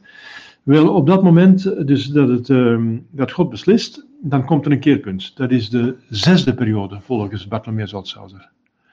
En dat is dus het rijk van Jezus door Maria. En dan komt er een zevende periode, dat is dan weer een tegenaanval van de duivel, uh, van, de, van de duivel en, de, zijn trawanten. En dan komt de antichrist. Hm? En dan komen ook Elias en Enoch tevoorschijn, die de antichrist gaan bestrijden. Uh, en die gaan erin gelukken, maar op het einde worden ze toch vermoord. En daarna heb je dus een vreselijke vervolging van de kerk en daarna heb je het einde van de wereld. Dus we zitten op het, volgens de zalige Bartholomeus Saltzhauser, we zitten aan het einde van de vijfde periode. Hm? Je hebt verschillende perioden gehad. De eerste periode was bloedige vervolging door de Romeinen enzovoort enzovoort. Dus je hebt allerlei periodes gehad die je uitlegt. Maar wat ons belangrijk is, is waar zitten we nu in? We zitten in het einde van de vijfde periode, dat een geloofsafval is. Hè? Hè? humanisme, protestantisme, deïsme, atheïsme, dingen, dus, al, dus filosofie tegen de natuur, hè, tegen de natuur. En dan krijgen we dus het rijk van Jezus door Maria. Dat hoe zal zijn, zegt hij, dus daarin uh, geeft hij ook Bernadette gelijk, en, uh, of omgekeerd, want ik weet niet wie heeft, wie er eerst geleefd. Zalig Bartholomeus was op Bernadette, ik denk dat uh, zo ongeveer van dezelfde periode zijn, misschien is zij nog iets vroeger de zalige Bartholomeus Otshauser. Uh, zij, zeggen dus dat uh, die periode groter en glorieuzer zal zijn dan de middeleeuwen. Dat zegt ook de heilige Hildegarde van Bingen.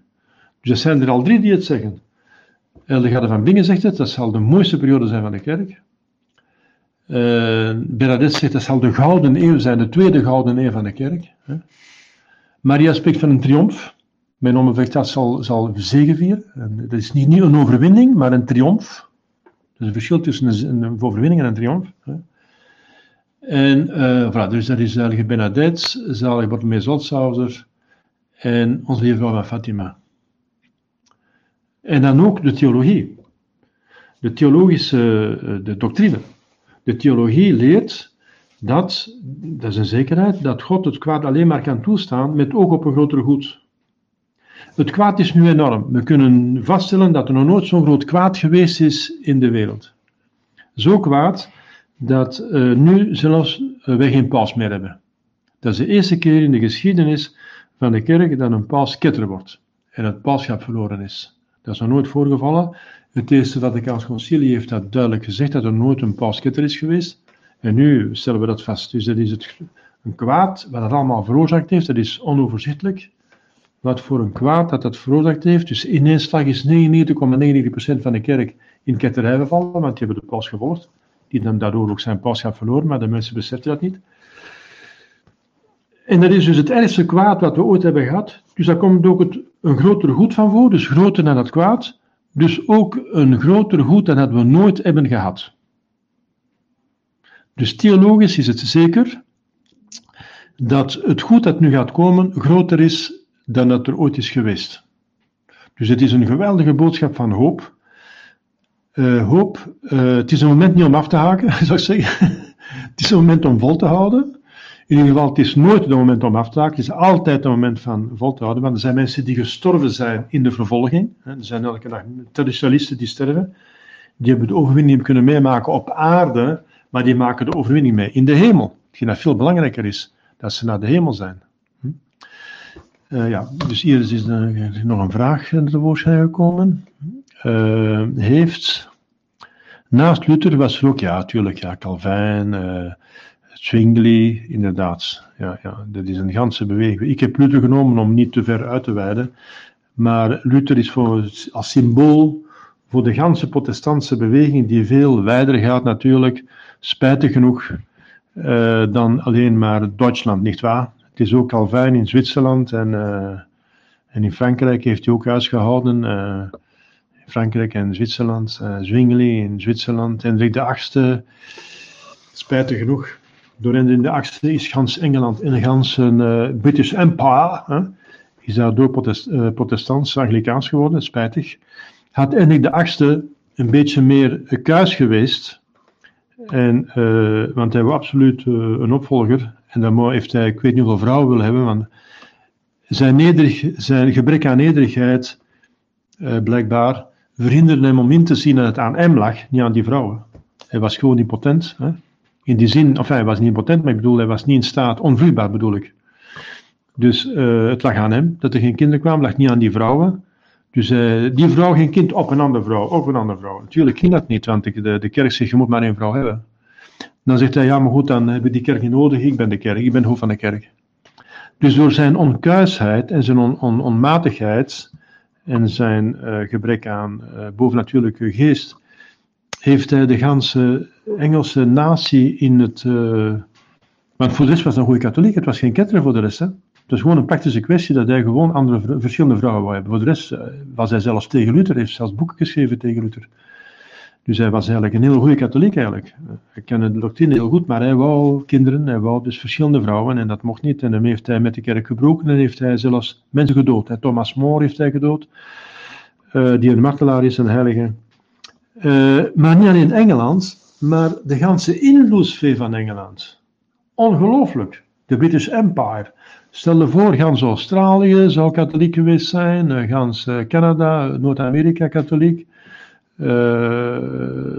Al die, die landen waren in het Midden-Oosten waar Engeland geweldig invloed over had. Al de Britse koloniën, die zijn enorm, die zouden katholiek geweest zijn. Waar, waar is de achtste katholiek gebleven? Zoals Spanje.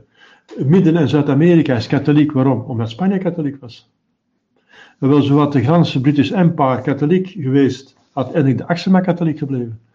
Dus wat een ravage, wat een verwoesting één persoon kan aanbrengen, omdat hij zoveel macht heeft, omdat hij koning is. Het is belangrijk uh, wat onze oversten doen. Hè. Het is ook door de fariseeën en de, en de hoge priesters dat het ganse Joodse volk uh, godsmoordenaar geworden is. Want het volk was eigenlijk voor Jezus. Je hebt dat gezien met Palmezondag. Dus je ziet wat een verantwoordelijkheid voor die machthebbers, voor die chefs. Hè. Dus, uh, ze hebben een geweldige verantwoordelijkheid af te leggen voor God. Hè. Hoe meer macht je hebt, hoe, meer, hoe goed dat je kunt doen, zoals een heilige Lodewijk, zoals een Constantijn en Karel de Grote, maar ook hoeveel kwaad dat je kunt doen. Zoals een Hendrik de Achtste, zoals een, uh, een Napoleon en Hitler en noem maar op, en Julius Caesar, en hoeveel verwoestingen en massamoorden dat je kunt veroorzaken. Nog een vraag. Er wordt gezegd dat we nu in Wereldtoren 3 zijn. Ja. Ja, ik weet het niet. Over die Wereldtoren 3 is zoveel. Uh, ja, dat is de generaal het leggen van Trump die dat zegt. Ja. Ja, ja. ja dat kan zijn. Dus een, uh, dan een zeer subtiele manier van oorlog voeren. Ja. Hm in ieder geval, uh, die kleine groep die alle geld en alle macht in de wereld heeft, die wil inderdaad 7 miljard mensen uitmoorden. Die wil dat er maar 500 miljoen mensen blijven. Dus dat is oorlog. dat is zelfs een, een, een genocide, die, die, een verschrikkelijke oorlog. Want een oorlog, dat is gewoon, ik ga die overwinnen en dan, uh, ga ik samen mee onderwerpen, maar dat is niet onderwerpen, dat is gewoon elimineren. Dus die, die hebben besloten een genocide toe, te passen op 7 miljard mensen van de aarde. Natuurlijk zal God dat niet toestaan, uh, maar ja, uh, ondertussen zitten we er wel mee. Hè? Dus het is een subtiele oorlog. Het is geen. Uh, ja. er is al veel gezegd geweest over die oorlog. Hè. Er zijn mensen die gezegd die oorlog, die, die derde wereldoorlog, was Vaticanum II. Hè. Dat was een geestelijke oorlog, die heeft de zielen kapot gemaakt. Er is veel over gezegd geweest over de wereldoorlog. Dus ja, ik weet het niet. ik ga me daar niet over uitspreken. Uh, ik probeer zoveel mogelijk te blijven bij wat zeker is. En dan de rest interpretaties, daar laat ik aan iedereen over. Zolang dat ze niet, niet, gek zijn, als er argumenten voor zijn, ja, je kunt dat aannemen. ik weet het niet, ik kan niet zeggen het is zojuist. die generaal zal wel weten wat hij zegt. Dat betekent dat er dus inderdaad een aanval, als die generaal uit het leger van Trump dat zegt, dat betekent dat er een aanval bezig is op een bepaalde groep van mensen. En dat is ook zo. Er is een aanval bezig op het van mensen. Ja, hier nog een vraag? Ja. Um, volgens de voorspelling zou dus de eerste oorlog zijn tegen de christenen, dan de tweede tegen de joden en de derde tegen de heidenen. Welke voorspelling is dat? Uh, dat u van Hildar van Bingen, wel, wie zei je dat? Nee, weet ik niet. Of uh, Bartholomeus Nee, nee, nee. nee, nee. Ah nee. nee. Ah nee, dat is niet op die manier. Nee, de, nee, de Belgische Benadet zei wel dat rond de 20e eeuw er een oorlog zou zijn tussen de christenheid en de islamieten. En dat is het geval, dat ziet je ook, dat er een, uh, een vijandigheid is tussen de christenheid en de islamieten. Uh, dat wordt dan gezegd, ja, de fundamentalisten islamieten, de, uh, de terroristen. De, er is een soort oorlog bezig, ja, tussen de terroristen, de islamieten en de christenheid. Dat heeft ze ook voorspeld, ja. Maar ze heeft niks gezegd van een oorlog tussen, uh, met de Joden. Daar heeft ze niks van gezegd. Nee. Hm. Maar natuurlijk, uh, die vrijmetselarij, het is er ook een Joodse kern in. Hè? Uh, het is een Duitse kern, dat zijn de Illuminati. De Joodse kern, dat is Bnai Brit enzovoort. Je hebt een Franse kern, dat is Le Grand Orient. Je hebt de Amerikaanse Anglo-Saxische kern, dat is de de, de Scottish. Hè. Je hebt de islamitische groep van Vermesta, dat is de Brotherhood. Hè. Dat zijn de islamitische, dat zijn de islambroeders, het broederschap. Uh, je hebt overal waar er macht is, geld en invloed, heeft de Vermestarij proberen daar een hand op te leggen. Daar een, een greep in te hebben. Daar een, een, uh, ze proberen over de ganse aarde dus invloed uit te oefenen. Want ze willen de ganse aarde beheersen. En ze hebben verschillende afdelingen, ze hebben een hele structuur, een hiërarchie van allerlei uh, instituten die voor hen werken. Hè. Je hebt de BIS, de Bank of International Settlements, dat is het hoogste financiële orgaan van de vermettelarij, dat is in, in, Zwitserland. Daar heeft uh, Ronald Bernhard over gesproken, die bekeerde Illuminati. Hè. Je hebt de City of London, dat is een vrijstaat. Je hebt de, de Vaticaanstad, dat is ook een vrijstaat. Je hebt uh, de DC, Washington DC, dat is ook een vrijstaat. Dus, uh, dus dat zijn allemaal, uh, dat zijn allemaal dus, uh, bolwerken van de vrijmetselarij. Dat is zeker. Goed, dat is een beetje de praktische toepassing van wat we de vorige keer gezien hebben. We hebben eerst gezien dus dat Apocalypse 12 nu gerealiseerd is, dat dat teken zich heeft voorgedaan, dat teken aan de hemel. Dat betekent dat dat wat er gezegd wordt nu van toepassing is. En dan moeten we ook zien, gaan we dat, dat moeten we toepassen dan. Dat moeten we gaan toepassen. Uh, ik heb ook een, aanwijzing gegeven over het teken van het beest. Hè? Dat dan eventueel die vaccin zal zijn. De vaccin komt in veel punten overeen met het teken van het beest. Dus uh, waarschijnlijk is het dat. Hè? Daar, dat is, dus als je die, die dingen hebt, zult je alleen maar met die dingen kunnen kopen en verkopen. Dat is waar ze, waar ze nu mee bezig zijn. Dat heet de grote reset de grote reset. Hè. En daar, gaan ze die, daar gaan ze gebruik van maken van die nanotechnologie die uh, in uw lichaam zit en die al ingespoten is met de vaccin. Ja. Dus dat komt allemaal wel overeen met de Bijbel. En eigenaardig genoeg komt dat inderdaad juist na het teken van de apocalyps in de hemel. Dus er is ergens, ergens een chronologie, blijkbaar. Hè? Dus die overeenkomt.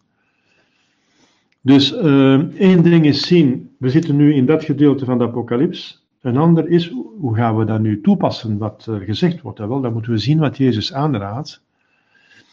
Uh, zij zullen overwinnen door het bloed van het lam. Uh, daarmee moet je de juiste gedeelte van de kerk vinden. Hè? Dus als je naar Petersbroederschap gaat, heb je het bloed van het lam niet. Want die zitten daar met uh, onwijdig ge, ge, gewijde priesters. On, ongeldig gewijde priesters.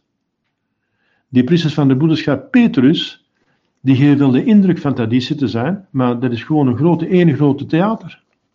Eén groot theatergezelschap. Want die zijn geen priester. Die eerste wel, want er waren priesters die overgelopen waren van het moederschap Pius 10, en er waren geldig gewijde priesters om ons vijven.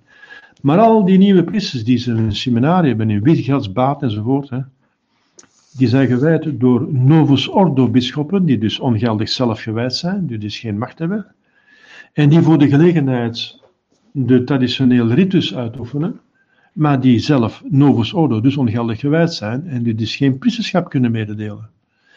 Dus uh, wees voorzichtig, hè. ze zullen overwinnen met het bloed van het lam, maar laat u niet bedriegen. Hè. Let op op de, geldige, de geldigheid van de priester enzovoort, dus let, let op met wat je bezig bent. Dus, uh, bovendien, uh, als men naar een mis gaat van Sint-Petersbroederschap, uh, die consecratie die daar gebeurt, als dat een ongeweldig gewijde priester is, dan, is dat, dan blijft dat stuk brood een stuk brood, dat wordt Jezus niet. En dan zit je daar uiteindelijk een stuk brood te aanbidden als God. Dat is afgoderij, dat is een doodzonde. Dan bedrijf je doodzonde van afgoderij, want je aanbidt een stuk brood als God. Dus met ongeldig gewijde bis moet je absoluut niets te maken hebben. Dat is, dat is gewoon een catastrofe. Daar moet je niks mee te maken hebben, daar moet je van wegblijven. Dus dan niet even, ja, het zijn toch traditioneel en zo. Eh, ze hebben toch de goede catechismus. Ja, dat valt nog te bezien, want in de catechismus geven ze dan ook weer de geboden van de kerk eh, van Paulus VI. Hè. En dat is verkeerd.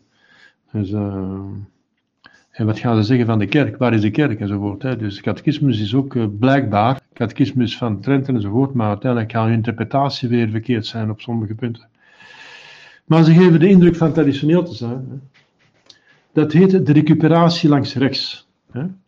In, een, in, een, in een revolutie, in een corruptie uh, van een volk, uh, proberen degenen die de corruptie van het volk beogen, de mensen langs links te pakken. Dat zijn de progressieven. Hè. Bijvoorbeeld Luther. Luther had zijn progressief. Uh, dus, dus degene die gewoon uh, de dwaling verkondigen. En een aantal mensen nemen die dwaling aan. Maar je hebt ook een recuperatie langs rechts. Dat je, je weet op voorhand dat niet iedereen uh, uw dwaling gaat aannemen, uw verkeerde theorie, uw verkeerde ideologie. En dan probeert je een tweede theologie te hebben, een, een, een, theorie, een ideologie, die minder revolutionair is, die meer conservatief is die eigenlijk heel conservatief is, maar die heeft alleen maar één of twee verkeerde punten. Er zit alleen maar één of twee soorten vergif in. Voor de rest is alles goed. Alles is goed, maar er zit maar één of twee stukjes vergif in. En uh, de meeste mensen gaan die dan uh, conservatief zijn en die het uh, progressieve afwijzen, die gaan dan dat aanpakken. Ah, want dat is tenminste nog, kijk eens, dat is nog conservatief. En ja, zit misschien iets goed dat die 100% is, maar ja, je moet in tijden van, van, van problemen moet niet, niet, niet te nauw zien. Hè. Je moet niet, ook niet, te, gaan vitten en zo. En dat nemen ze dan al gauw aan. En dan worden die mensen vergiftigd door dat vergif wat erin zit, dus langs rechts. Hè. In, in iedere revolutie, in iedere uh, corruptie van een volk zit er een, een, beweging langs rechts en langs links. Langs links en rechts. Langs links is een motor en rechts is de recuperatie. Dus dat is in een tang gevat worden. In een tang. Het is een linker en rechterarm. En, en er is altijd recuperatie langs rechts. En uh, bij Mons Lefebvre was dat vanaf het begin. Vanaf het begin zaten in zijn beweging ingefiltreerde vrijmetselaars. Die zeggen, ja, we krijgen niet, niet iedereen gaat mee met de ketterij van Paulus VI. En er waren tamelijk uh, sterke nog uh, reactie van tamelijk veel priesters in de wereld en geloven die nog de traditie, die zagen dat dat gaat niet. En dan zeggen ze, ja, maar dat gaat niet gaan, uh, die moeten we ook nog recupereren. En hebben ze die vanaf het begin geïnfiltreerd. Hm? Vanaf het begin, zeer vroeg, waren uh, in, de, in de Justine ook vrij, vrijmetselaars geïnfiltreerd. Hè? En, en, enzovoort. Dus dat, gaat, dat is altijd een algemene regel. Algemene regel. Dat zegt trouwens uh, Pius X als hij het over het modernisme heeft. Het modernisme dat is een ketterij en die wil dat in de kerk twee bewegingen zijn. Een progressieve beweging die veroorzaakt wordt door het volk en door de theologen en dan een conservatieve die door de paus en de bisschoppen, de curie worden veroorzaakt. En die spanning tussen die twee, dat is een strijd en die strijd laat de kerk vooruitgaan. Dat is de theorie van Hegel. These, antithese, de strijd tussen these en antithese, die veroorzaakt een synthese, die dan uh, de goedheid zogezegd samenvat van die twee anderen. Wel, uh, dat is exact wat bijvoorbeeld uh, kardinaal Ratzinger gedaan heeft. Dus uh, Paulus VI was heel progressief. Hè? Johannes Paul II ook. Die heeft aan de geest van Assisi, hoewel dat hij ook conservatief was op moreel vlak. Ah, dat is een Poolse paus, die is nog voor hè, dit en dat, is mariaal en zo. Hij gaf de indruk van conservatief te zijn en daarmee waren veel, veel mensen die daarmee uh, instemden met die paus.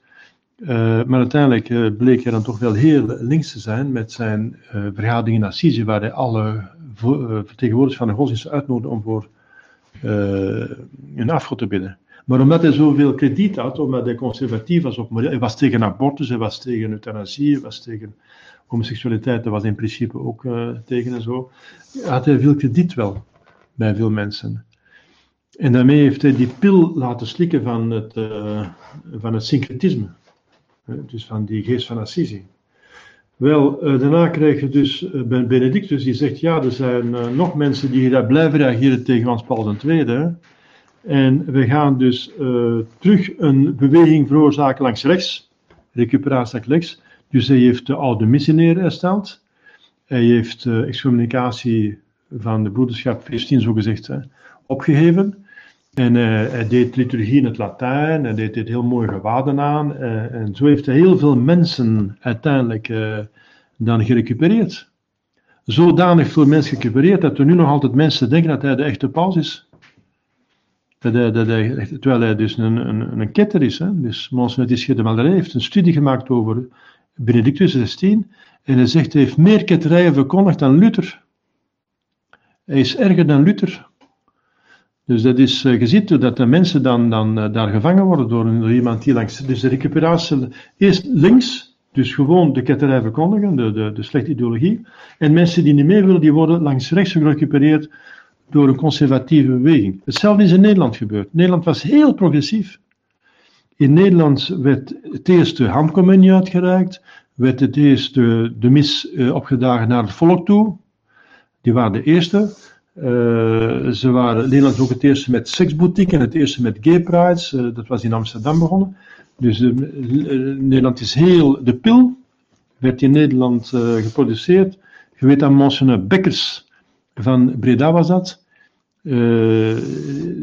Die, die heeft zelfs de, de, fabriek geholpen die de pil heeft gefabriceerd. Want die fabriek die vond geen mensen meer die in de fabriek wilden werken, want de paus had dat veroordeeld, de pil. En dan heeft die bisschop nonnekes verplicht om in de fabriek te werken, om die fabriek te doen overleven. Kunnen we je voorstellen? Een katholieke, bedoel vrijmetselaar, bisschop die nonnen en die niet goed wisten wat er gebeurde, want die kwamen uit het klooster, die zeiden, ja, we hoorden aan het bischop, we gaan die farmaceutische bedrijven helpen, dat zijn medicamenten en zo. En die hebben die pil zitten inpakken, en het farmaceutisch bedrijf, dat is Organon, heet ik, Organon, eh, als ik me niet vergis, die hebben nog onlangs uh, monseigneur Bekkers bedankt. Die zeggen, het is dankzij monseigneur Bekkers dat wij overleefd hebben, anders gingen we failliet. dat is ongelooflijk. Dus Nederland was dus heel links, hè? en en uh, natuurlijk is daar een weerstand geweest in Nederland ook. Iedereen wou links gaan. En dan heeft in Rome gezegd, ah, er is een de beweging die niet mee wil en dan proberen we te recupereren.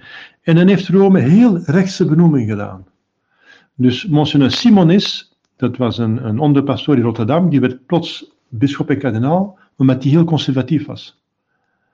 Uh, Monsignor Gijzen werd benoemd, heel conservatief, uh, en die werd naar boven gehaald. Hè. Maar de voorwaarde was, je moest Vaticaan II aanvaarden. Ik ben bij Monseigneur geweest, want ik zocht naar mijn roeping en ik dacht dat is een oplossing. Uh, eigenlijk heb ik een bischop die het Latijn aanvaardt, die, die aanvaardt Sint Thomas van Aquino, die aanvaardt de tongcommunie. Hè? Dus we gaan er naartoe. En er is een man, een, een vriend van mij, die zegt, nee Erik, stop, stop ermee. Er is nog een probleem met uh, Monsignor Gijzen, want hij weet veel meer dan dat en hij, doet het, en hij handelt er niet naar. Het probleem is dat je daar moest absoluut Vaticaan II aanvaarden. Maar het zou geïnterpreteerd worden op een conservatieve manier. Maar je moest het wel aanvaarden. En er zitten dus drie ketterijen in die je niet goed kunt interpreteren. En dat is juist de valstrik.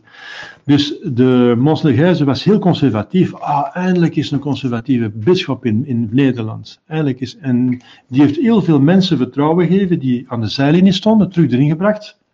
Als hij dat kunnen we achterstaan. Maar hij heeft hen wel Vaticaan II doen inslikken. En zo zijn ze dan weer. Uh, en dan, uh, ik heb persoonlijk, want ik was overste in Nederland, dat is zeer interessant, want ik ben er uh, geweest. En ik kreeg Klaas Beuker. Klaas Beuker die heeft een politieke partij opgericht. en die was voor de sociale leer van de kerk van voor het concilie. En die, had, die was persoonlijk bevriend met kardinaal Raatzinger. En kardinaal Raatzinger heeft gezegd: Gij moet de broederschap in Nederland ondersteunen. En Klaas Beuker is me dat komen vertellen. Dat kardinaal Raad heeft gevraagd dat, dat, dat, hij mij, dat hij ons moest ondersteunen. Uh, dat was weer die recuperatie langs rechts. Hè. Kardinaal Ratzinger heeft altijd gezegd tegen broederschap, wij hebben u nodig. Want die linkervleugel was te sterk geworden en die, die, die, zou te, te, te vlug uh, gereageerd hebben en die zou dan verschillende mensen afgestoten hebben. Uh, en dat zou niet goed geweest zijn. Dus kardinaal Ratzinger had begrepen dat de uh, recuperatie langs rechts moest gebeuren. En heeft altijd gezegd tegen het broederschap, wij hebben u nodig. Maar heeft ons nooit gezegd, je hebt gelijk. Moest hij gezegd hebben, je hebt gelijk, dan was hij een katholieke bischop en paus geweest. En als we gelijk hadden, dan hadden al die anderen moeten veroordelen. Voor ketters. Maar nee, heeft het niet gedaan. Hij zegt, we hebben u nodig. Dat betekent, jij moet in die die balans, die linkervleugel is te sterk, je moet een rechtervleugel hebben en die moeten elkaar blijven bestrijden en dan uiteindelijk gaan we de synthese krijgen. Dus de, de nieuwe mis, die heeft hij niet afgeschaft, kardinaal Ratzinger. Maar als paus heeft hij de oude mis terug in ere hersteld. En dan zegt hij, ik ben van plan van een nieuwe, nieuwe mis te doen. De synthese, these, antithese, synthese. Een nieuwe, nieuwe mis. En die zal de goedheid hebben van de oude en van de nieuwe mis. En dat zal de, de nieuwe mis zijn. Pardon de mis van uh, kardinaal van uh, Benedict XVI. Maar hij is er nooit in geslaagd om die missie met elkaar te krijgen, want is, het is er nooit van gekomen, gelukkig, want dat zou weer een gedrocht geweest zijn. Maar veel gevaarlijk, want die zou minder ketters geweest zijn dan de nieuwe mis. Die zou uh, conservatieve elementen ingevoerd hebben. Die zijn nog meer gelijken. Hoe meer dat valse munt lijkt op de ware munt, hoe gevaarlijker dat is. Want hij moet gaan specialist zijn om te weten dat het uh, valse munt is. Dus hoe, dus hoe meer er iets verkeerds lijkt op het goede, hoe gevaarlijker het is. Iets is pas goed als het echt 100% goed is. Hè? Dus met één ketterij zit je verkeerd. Jezus heeft de Joden naar de hel gestuurd omwille van één ketterij. Dat ze hem niet aanvaarden als God. Voor de rest waren het, uh, zegt hij, luistert naar uw woorden, maar kijk naar uw daden. Dat zeggen, uh, ze hadden juist een theorie, alleen ze leerden niet goed. Hier is nog een vraag. Dus de zusters wisten niet. Nee, inderdaad, ja. ja. Bisschop Bekkers was van Den Bosch. Ah, pardon. Ja. Het is Monseigneur Muskus die van, van Breda is. Dat is uh, ook, die ze zag vliegen, hè. Muskus. Muskus die zei: uh, Vrouw moet een kardinaal kunnen worden. Ik ben in het Kennedy Space Center geweest. Ik heb de hemel niet gezien, dus de hemel bestaat niet. ik zou mijn eigen moeder euthanaseren als het zover is, enzovoort. Dus Muskus, nee, het is inderdaad Bekkers is van een bos, dat kan goed zijn, ja. Ik ga dat niet bestrijden. In ieder geval, het was een boerenzoon die bischop werd, maar hij was duidelijk een vrijmetselaar en dat is een catastrofe. Uh, ah, dus die zusters verpakten de, de pil uh, in hun klooster, dat is nog, ja. Uh, aan de uh, ja, jij weet het beter, want je bent dus Nederlander. Maar het zijn de fabrieken van Organon in Os, maar ze verpakten die gewoon in een klooster, ja. Ah ja, ja, ja, ja. Enfin, dus waar ze ook deden, ze, dus de fabriek Organon heeft dus de kerk bedankt van Nederland, omdat bischop Bekkers de, de fabriek heeft geholpen om niet failliet te gaan. Je moet niet vragen. Hè. Dus is er niet, ja inderdaad, ze wisten niet wat ze in werkelijkheid inpakten, maar de bischop wist het wel. Hè. Ja. De zusters hebben zich ook laten inpakken. Hè. Ja. Het is volkomen juist dat Nederland progressief was in de jaren 60, ja, zeker en vast. Waar het katholiek geloof betreft. Toen de tijd was kardinaal Afrink het hoofd van de Nederlandse katholieke kerk. Hij was echt moderniste kerk, ging zinnelijk achteruit, absoluut. Ja. Ja, ja. Het is ook Alfrink en compagnie die in het concilie Vaticaan II de linkervleugel heeft uitgemaakt. Hè. En ook Monsignor Smet van Brugge. Hè. En ook uh, bischop uh, König van uh, Kulf, dus van de Duitsers. Daarmee is er een boek geschreven door Ralf Witgen. De, de, de Rijn vloeit in de Tiber. De Rijn, dat is de, dat is de, de stroom van de Germaanse landen. En vele ketters kwamen van Germaanse landen en ook daar kwam het geld vandaan. En die hebben het geld gehad, inge, die hebben, dus waren rijke bisdommen, rijke bisschoppen. En die hebben dan uh, hun ketterijen, hun dwalingen, echt uh, in duizenden exemplaren, die hebben ik weet niet hoeveel geschriften uit laten drukken en aan alle uh, concilievaders uitgedeeld. En zo hebben ze dus hun, hun dwalingen kunnen doorvoeren, omdat, ze dus, omdat er heel veel geld achter zat. En dan Mons Lefebvre met zijn 250 bisschoppen, van de Cheertjes, dat waren armen, dat waren niet zo rijke bisommen. En die hebben dat uh, met, met drukpersjes, met, uh, met stencilsmachines en zo nog proberen allemaal. Die hebben ook hun best gedaan, maar die hadden veel minder middelen. Dus, de, dus de, er staat veel meer geld achter, omdat de Duitsers, de rijke Duitsers, de Nederlanders en de Vlamingen erachter zaten. Spijtig, ja, dat dat allemaal zo is moeten gaan. Ja. Hier heb je nog een vraag? Over uh, Monsignor Ratzinger, Benedictus 16, is het ook uh, zo dat hij zijn thesis gemaakt heeft over uh, Hegel. Dus hij weet heel goed ah, hoe het werkt, these, antithese, synthese. Ja. en bovendien is, staat er ook in de Apocalyps over het eerste en het tweede beest. Ja, dat heeft hij misschien al niet uitgelegd voor, voor ja, ja, ja, Die dus pauzen voorstellen, denk ik. Ja, ja. En dan zou de, de tweede beest eigenlijk Ratzinger geweest zijn, Benedictus 16 ja, ja. die veel mensen uh, uh, ja, verleidt, misleidt. bedriegt eigenlijk, of ja, misleidt. En ook een, een teken uit de hemel, een, vurig teken, een vuurteken uit de hemel laat vallen of zoiets. Mm. Dat zou dan die bliksem zijn, waardoor dat er veel mensen denken dat hij nog pauze is. Mm. Denk ik dan, ja. Ik, ik interpreteer het zo. Ja, ja. Dus misschien moet dat nog, en dat, dat hij ook dan het eerste beest laat dan bidden. Dat is dan Johannes Paulus II die dat hij heilig verklaart. Ja, ja. Dus dat is misschien ook wel allemaal interessant. Ja, ja, je kunt ook die tekst nog toepassen op de, die tekst in de Gabrielist nog verder toepassen. En hij laat het, beest aan, het beeld van het beest spreken. Mm. Dat is dan op het Sint-Pieterplein, waar een geweldig groot scherm was. Mm. En waar Johannes Paulus II uh, dus werd uh, gefilmd. Hè? Dus enfin, de film werd afgedraaid waarin Johannes Paulus II de massa toespreekt. Mm. Dus en zo, dus je kunt inderdaad uh, daarop toepassen, ja. Dat klopt. Je kunt er nog verder uitwerken. Maar we hebben nu al anderhalf uur besteed. Ik denk dat we rond zijn, als er geen vragen meer zijn. Kardinaal Sunes heeft gehad in België, ja. ja Kardinaal Sunes, die gezegd heeft uh, na het concilie, ah, eindelijk hebben we nu de Franse revolutie in de kerk. Eindelijk. Dus uh, er heeft ook kardinaal Ratzinger geschreven in zijn boek dat Gaudium et Spes de dat is de ganse theorie dus van de, de, de, de, de, Franse, de Franse revolutie die nu in de kerk wordt aanvaard. Dus de, de verworvenheid van de liberale familie wordt door de kerk nu uh, opgenomen, ja, zeggen ze dan. Sunes zei, voilà, vrijheid, gelijkheid, broederschap, dat is in de kerk opgenomen als godsdienstvrijheid, ecumene en collegialiteit. De, de drie puntjes van de loge van de de meslarij van de Franse Revolutie. Sunes zei, oh, halleluja, gelukkig, nu eindelijk de Franse Revolutie in de kerk aangenomen. ja. ja, dus soms kunnen ze niet verborgen blijven. Hè. Ze, soms denken ze dat ze zodanig gewonnen hebben dat geen kwaad meer, dat geen kwaad meer kan, dat ze de waarheid zeggen. Dat ze, dat ze ook zeggen wat er gebeurd is. Zo, dus uh, wij hebben een bad, dus ik ga nu sluiten. Hè. We hebben, uh, laat onze hoop uh, putten uit die profetieën die door God gegeven zijn. God geeft ons middelen om eruit te geraken en geeft ons een toekomstperspectief. En in alle geval, als we het zullen meemaken op aarde, zoveel te beter, maken we het niet mee. In ieder geval, we hebben de hemel. Dus God geeft ons het leven dat Hij beslist heeft om ons te geven. Hè. Ik hoop dat we nog allemaal gaan meemaken, de overwinning van de kerk. Maar het hoeft zelfs niet. Als wij maar gedaan hebben in ons leven wat we moesten doen, en als we maar de hemel hebben, op aarde gaat alles verder. Dus uh, het is God die toch altijd dan heeft. God heeft niemand niet nodig. De kerk heeft ons niet nodig. Hè. Uh, als wij dit doen, zullen andere mensen het doen. Hè. Dus uh, als wij sterven, we gaan, we gaan weg, dan zal, Jezus zegt tegen de Joden: Als God wil, kan hij van die stenen kinderen van Abraham maken.